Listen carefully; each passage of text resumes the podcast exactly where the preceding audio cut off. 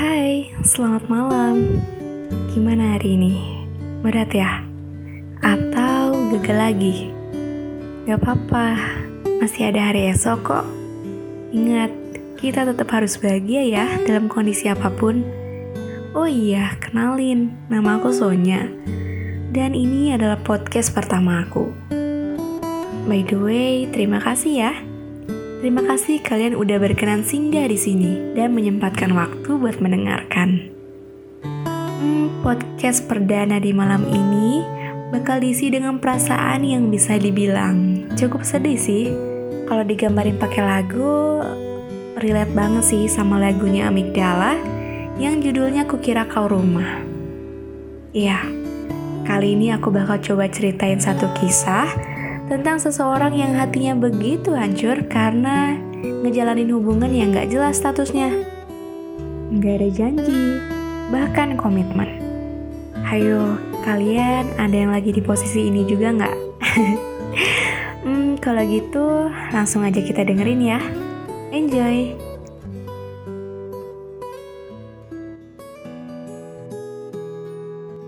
Hai, namaku Arin. Tiga bulan yang lalu, aku didekati oleh seorang lelaki yang sebenarnya udah aku kenal bertahun-tahun. Sempat deket juga sih dulu. Namun di dua tahun terakhir, kami hilang kontak. Ya, wajar lah ya, namanya juga temen jauh. Pada hari itu, dia datang lagi, menanyakan kabar, menanyakan apa yang sedang aku lakukan, dan segala hal yang mungkin jadi basa-basi agar obrolan kita nggak cepat berakhir. Aku nggak mikir macam-macam pada awalnya, karena ya wajar aja kalau kita kepo dan excited banget buat ngobrol sama teman lama yang udah hilang kontak bertahun-tahun. Lagian, aku juga nggak nyimpen perasaan apa pun sama dia. Dan mungkin juga sebaliknya. Yang aku nggak pernah nyangka, ternyata obrolan kita berlanjut terus-menerus hari demi hari, pagi, siang, dan bahkan sesekali sampai larut malam pun kita masih asik ngobrol. Entah apa yang diobrolin, aku pun lupa. Tapi rasanya pada saat itu kayak nggak pernah kehabisan topik pembicaraan. Selalu ada aja hal yang kita bahas. Sampai suatu ketika dia mengajakku bertemu nggak ada alasan lain buat aku nolak ajakan dia. Ya, apalagi kalau bukan karena rindu.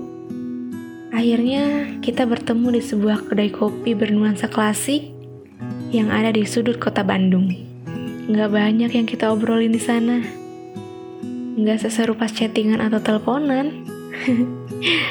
Mungkin canggung. Maklum, terakhir ketemu ya sekitar lima tahun yang lalu.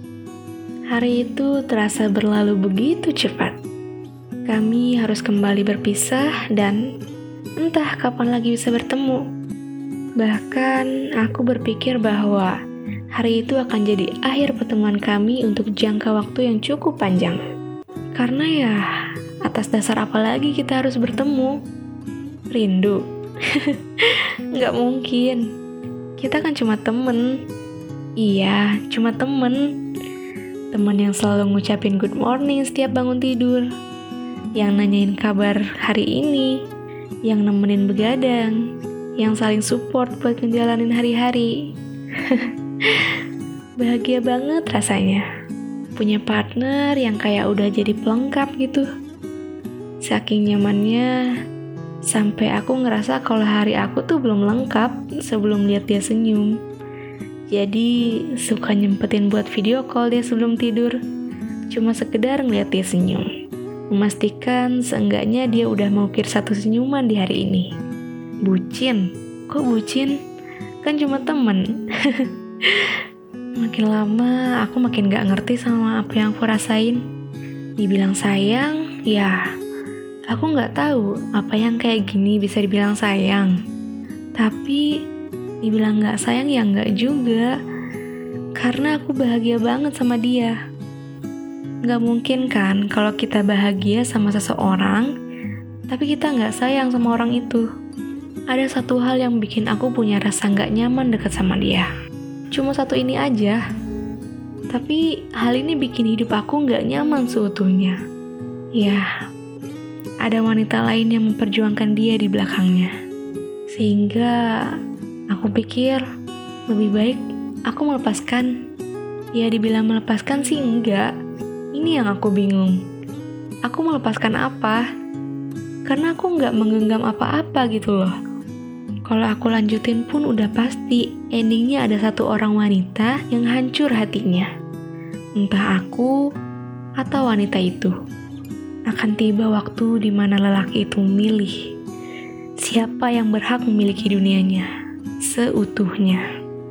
Akhirnya dengan terpaksa aku mencoba meninggalkan dia. Bukan karena aku nggak sayang, bukan juga mempermainkan, tapi justru karena aku lebih sayang sama diriku sendiri. Aku nggak mau patah lagi yang kesekian kalinya. Sehari, dua hari, tiga hari, aku sanggup tanpa dia. Dan aku tetap bahagia. Tapi aku ngerasa kok kayak ada yang hilang gitu. Mungkin suaranya yang selalu aku dengar atau senyumannya yang selalu jadi hal favorit untuk aku nikmati sebelum tidur? Atau apa? Dia berhasil menjadi sesuatu yang berharga buat aku. Sesuatu yang gak semestinya aku lepas gitu aja. Akhirnya, tanpa rasa gengsi sebagai wanita, aku memintanya untuk kembali. Aku ingin mencoba memperjuangkan apa yang aku senangi, tanpa harus memikirkan orang lain khususnya wanita itu. Egois ya, padahal aku juga seorang wanita. Hari demi hari aku menjalani hubungan dengan lelaki itu. Layaknya orang yang berpacaran, gak ada bedanya kecuali status. Tahu kan istilah HTSan? Istilah yang aku pakai saat masih SMP dulu. Alibi gak mau pacar-pacaran, tapi kepengen dapet perlakuan spesial layaknya orang pacaran. ya, tapi nggak ada bedanya sama yang aku jalin saat ini. Padahal kami bisa dibilang udah sama-sama dewasa. Sama-sama capek buat hubungan yang main-main, putus nyari yang baru, beradaptasi lagi, PDKT lagi. Itu kan butuh proses yang panjang ya. Kita juga udah saling nyaman, ngerasa cocok di berbagai hal, udah bisa saling melengkapi dan memahami juga. Tapi sayangnya tetap nggak berani ambil keputusan buat bersama. Bersama dalam arti menjalin hubungan yang jelas, dengan status yang jelas. Entah kenapa dia nggak berani buat ngambil keputusan itu. Aku juga sebagai pihak wanita gak berani buat meminta kepastian. Karena di satu sisi aku berpikir, Apakah sebuah status itu penting? Ketika ada dua orang saling menyayangi dan beritikat menjaga hatinya, aku yakin tanpa status pun hubungan itu bakal tetap terjaga sampai kapan pun. Tapi di sisi lain aku juga mikir, yang statusnya jelas aja gak ngejamin buat bertahan. Apalagi yang gak ada statusnya. Ya, tapi itu cuma jadi pikiran selintas aja sih. Nyatanya aku menikmati hubungan ini dengan baik dan tetap nyaman walaupun tanpa status. Intinya kan menjaga dan percaya. Selama dua hal itu bisa kita genggam, aku yakin semuanya bakal berjalan dengan baik. Cuma ya, tetap ada resiko pahit sih yang harus ditelan. Namanya juga hubungan gak jelas jadi perasaannya juga nggak jelas. Mau cemburu, mikir dulu. Mau marah, gara-gara nggak dikabarin, apa wajar? Mau minta ketemu karena rindu, apa boleh? Nggak jelas kan? Sesekali aku memberanikan diri buat ngomong ke dia perihal apa yang nggak aku sukain.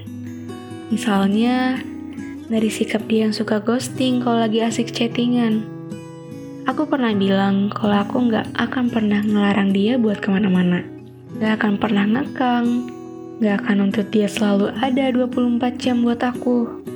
Yang penting dikabarin, dia mau ke mana, Sama siapa? Mau ngapain aja?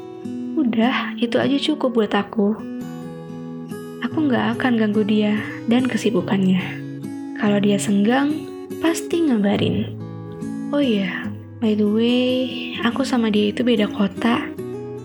Aku di Bandung, sedangkan dia di Jakarta. Lumayan jauh ya. Susah banget buat ketemu. Makanya, dari awal aku mikir, kalau pertemuan pertama kita itu bakal jadi pertemuan yang terakhir buat jangka waktu yang cukup panjang. Ya, emang pasti berat banget sih buat ngejalanin hubungan jarak jauh. Banyak kekhawatiran yang aku takutkan bakal terjadi. Terlebih, yang aku nggak tahu, siapa coba yang tahu kalau dia di sana jalan sama wanita lain? Nggak ada kan?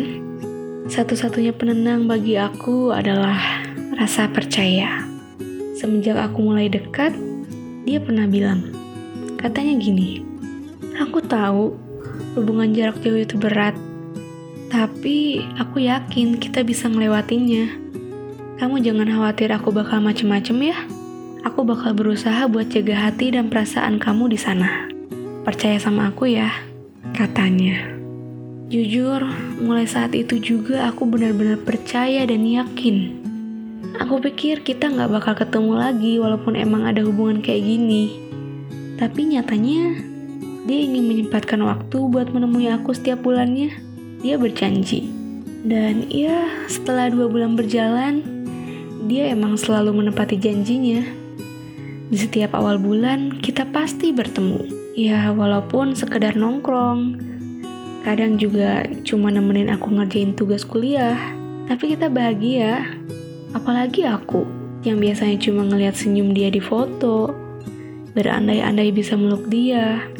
Kalau ketemu, semuanya bisa jadi nyata. aku juga nggak nyangka apa yang bikin aku jadi sesayang ini sama dia. Padahal gak banyak yang bisa dia lakuin, gak banyak momen yang bisa kita ukir bersama. Pernah gak sih kalian di posisi kayak gini? Sampai pernah berani berharap bahwa dia adalah yang terakhir. Dia bakal jadi orang yang terakhir yang aku perjuangin. Nggak peduli seberat apa pun rindu yang harus aku pikul. Nggak peduli sesulit apa harus menahan ego. Nggak peduli serumit apa masalah yang kemungkinan besar bakal terjadi. Yang jelas, aku pengen dia jadi yang terakhir. Aku nggak pernah tahu apakah dia berpikiran yang sama atau enggak. Aku juga nggak pernah nanya tapi aku selalu berusaha buat jadi yang terbaik, dan pastinya berharap dia juga melakukan hal yang sama. Tapi ternyata enggak. dia enggak benar-benar menyayangi aku. Dia enggak seserius itu sama aku. Akhir-akhir ini dia semakin sering menghilang tanpa kabar. Arahnya, semakin aku tegur, semakin dia lakukan. Entah kenapa dia melakukan semua hal yang enggak aku suka. Tapi terkadang dia masih menyempatkan waktu buat cerita tentang hari-harinya. Aku berusaha menjadi pendengar yang baik. Namun ketika aku bercerita, dia nggak lagi melakukan hal yang sama. Dia nggak lagi memperhatikan bahkan terkesan enggak peduli. Tapi mungkin ini adalah salah satu ujian yang harus aku lewati. Aku udah berjanji bahwa aku bakal selalu berusaha buat jadi yang terbaik. Mungkin dia sedang lelah, atau mungkin hari-harinya sedang kacau. Kalimat itulah yang menjadi penenang agar ego dan amarahku nggak sembarang keluar. Malam itu, aku benar-benar kesal. Kesal sama keadaan. Hati dan otakku juga beradu argumen. Merasa sama sekali nggak diperhatiin, tapi ngerasa bahwa aku nggak berhak marah. Karena aku ini siapa? Aku bingung gimana lagi cara ngomongnya. Sedangkan teguran hanya sekedar teguran. Dia sama sekali nggak peduli sama perasaan aku. Buktinya, ketika aku mencoba buat menghilang tanpa kabar, dia sama sekali nggak nyariin. Sekalipun sesederhana nanyain kabar. Kenapa? Padahal kita baru aja ketemu tiga kali. Waktu yang terlalu singkat buat perubahan yang begitu cepat. Akhirnya, aku memberanikan diri untuk bertanya, sebenarnya ada apa? Aku meminta penjelasan dan kepastian. Sekalipun itu kenyataan yang pahit, aku siap mendengarkan. Dan ya, ternyata kemungkinan buruk yang paling aku takutkan itu benar-benar terjadi. aku nggak bisa lagi menahan sedih. Aku nggak sanggup lagi tersenyum untuk menutupi apa yang aku rasakan. Ketika aku berpikir sedang jalan berdampingan dengan dia, dia malah menoleh ke belakang, kembali melihat wanita itu. Wanita yang juga memperjuangkan dia selama ini sama sepertiku. Ya, ternyata dia masih juga di belakang lelakiku sampai saat ini. Bahkan ketika melihat lelaki itu sudah bahagia denganku, wanita itu tetap berada di belakangnya, seraya menunggu keajaiban berpihak kepada dia. Dan dia berhasil. Dia berhasil mengambil alih posisiku. Aku gak pernah nyangka akhirnya bakal seperti ini. Meskipun hal ini udah aku bayangkan sebagai kemungkinan terburuk yang harus aku antisipasi, ya kalau aku boleh bilang, dia tega. Dia yang meyakinkan bahwa kami bisa menjalani hubungan ini. Dia juga yang berjanji akan selalu berusaha buat jaga hati dan perasaanku. Eh, sekarang dia juga yang menyakiti. Tapi hebatnya, aku sama sekali nggak membenci dia. Walaupun sebenarnya aku sakit.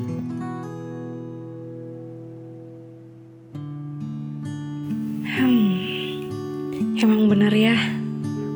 Terkadang orang yang memegang kunci kebahagiaan kita adalah orang yang bakal nyakitin kita. Orang yang paling bisa bikin kita kecewa. Iya, kamu nggak bisa ngendaliin semuanya. Kamu nggak bisa ngendaliin perasaan dia. Yang kamu bisa adalah ngendaliin perasaan kamu sendiri, supaya nggak larut dalam kesedihan. Kamu juga nggak bisa menahan dia buat tetap sama kamu. Yang kamu bisa adalah menahan langkah kaki kamu untuk berhenti mengejar dia. Tapi menurut aku sih kamu itu nggak gagal. Kamu juga nggak kalah dari wanita itu. Kamu cuma mengalah. Kamu benar-benar dewasa. Kamu paham betul sejatinya cinta adalah dapat merelakan. Rela dia bahagia dengan kamu ataupun dengan yang lain. Tegakkan pandanganmu ya. Jangan sampai mahkotamu jatuh karena terlalu lama menangisi lelaki seperti itu. Ingat, kamu itu berharga. Jangan kasih hati kamu buat orang yang gak punya hati. Kamu gak bisa nyelamatin hubungan kamu, tapi seenggaknya, kamu harus bisa nyelamatin perasaan kamu sendiri. Itu yang lebih penting.